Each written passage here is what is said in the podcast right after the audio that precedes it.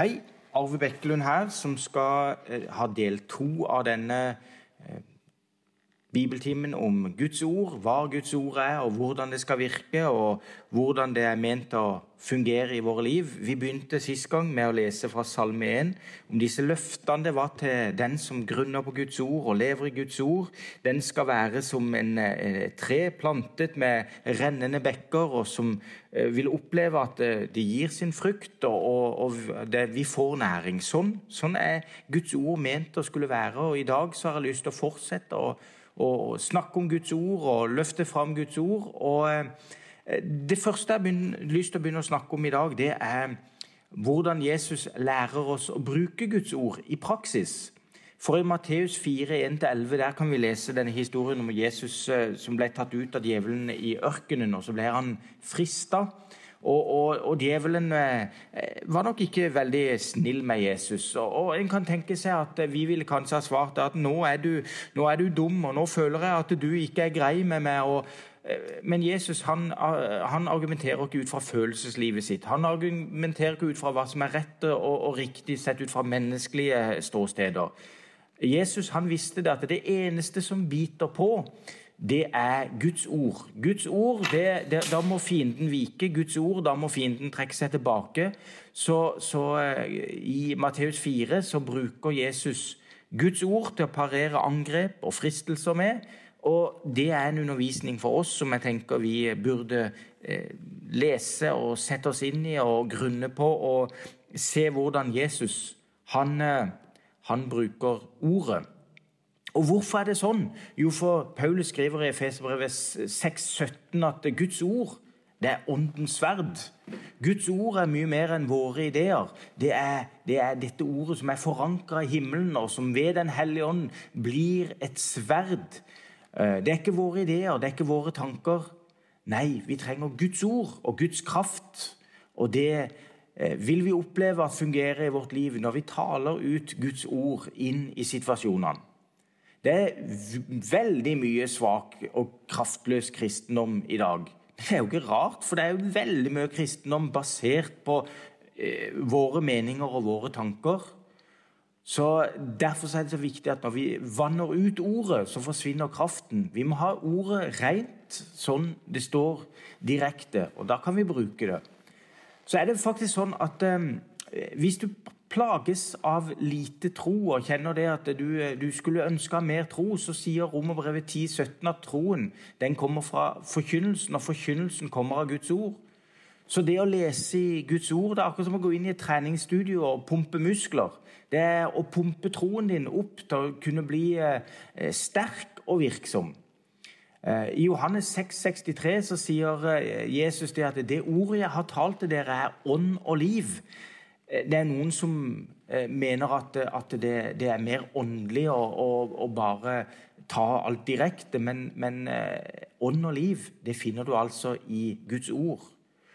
I Johannes 16, 13 så sier Jesus at når Han kommer, sannhetens ånd, skal, skal Han veilede dere til hele sannheten.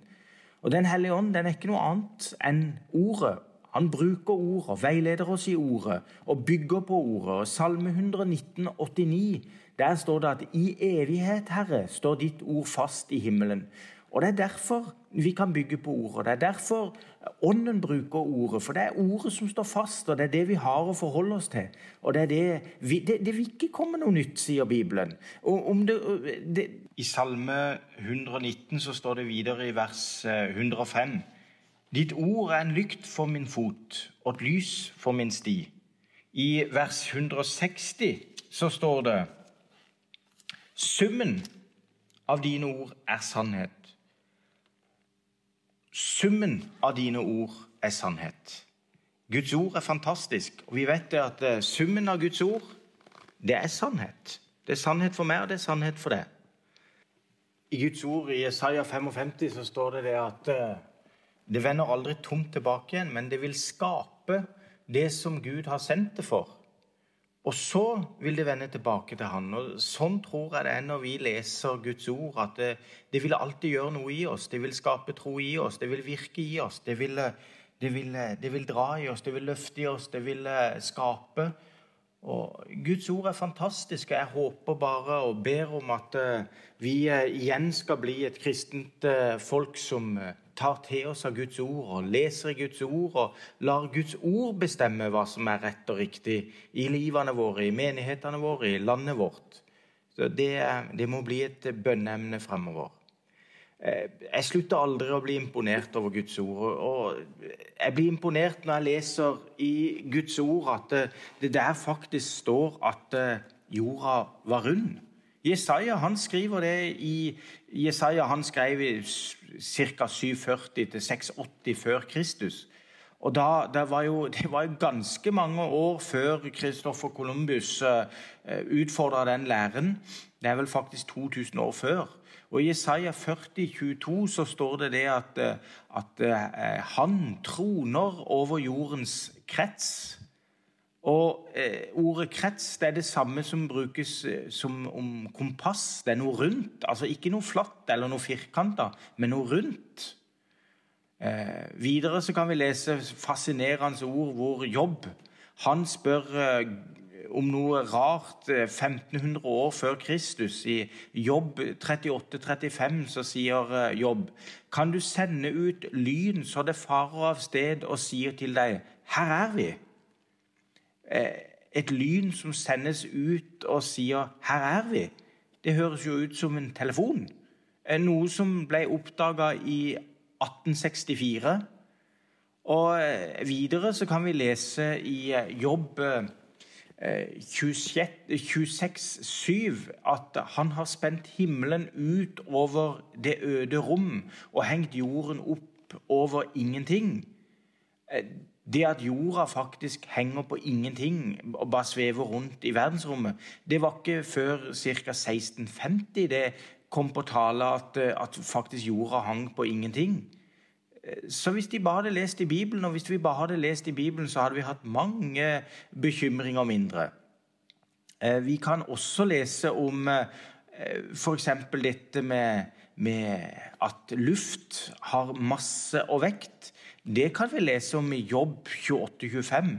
Der står det da han ga vinden vekt og lot vannet få det rette mål.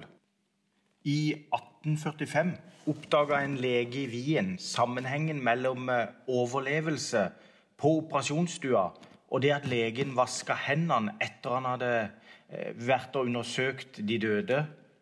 Kanskje han hadde lest i 3. Mosebok 1513, hvor det står om eh, dette viktigheten med å vaske hendene i friskt rennende vann.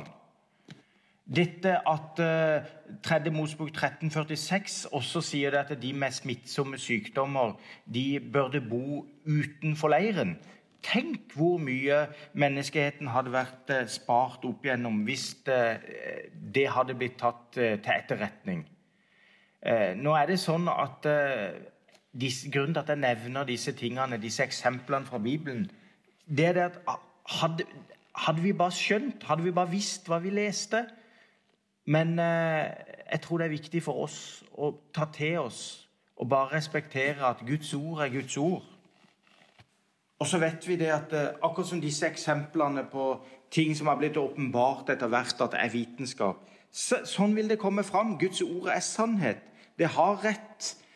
Så derfor la oss lese, la oss grunne, la oss studere. La oss bore oss inn i Guds ord. Og Løftene sier det at eh, da vil vi være som et tre planta med rennende bekker. Vi vil alltid lykkes, og vi vil alltid kjenne at det gir oss vekst og utvikling. Så la oss be om at vi igjen må bli et bibellesende folk, et bibelelskende folk. Jeg vil absolutt anbefale deg å ta fram Bibelen din og gjerne lese fra flere steder i Bibelen samtidig. Veldig mange de, de begynner på begynnelsen, og så skal de pløye gjennom alt. Jeg for min del kjenner at jeg må lese litt i Nytestamentet, litt i Salmene og litt i Gamle testament. Gjerne samtidig. Og så er det ikke alltid sånn at det er langdistanseløp. Men kanskje vi heller kan pløye litt dypere og eh, Kanskje ikke så lange passuser, men ta, spise litt og litt. Og bruke dagen på å gå grunne. Og, og, kanskje notere det ned på et lite kort og putte i lomma. Eller kanskje eh, prøve å memorere det og la det få lov til å slippe inn i hjertet og skape noe. Jeg har lyst til å avslutte med et ord som eh, Paulus kommer med i eh, Kolossebrevet 3,16, hvor han sier La Kristi ord bo rikelig i dere. Dette ordet 'bo' det tenker jeg er en fin uh, greie. For at uh, ordet, ordet må få lov til å bo i sammen med oss, være sammen med oss. Det skal ikke bare være en sånn gjestestue som vi gjester en gang eh, på søndagene. Det, det, må være eh, det rommet som vi bor i, det huset vi bor i, det må være fylt av Guds ord. Bo rikelig. Ikke, ikke småtteri, ikke, ikke bare litt, men rikelig. Da vil vi oppleve vekst og utvikling.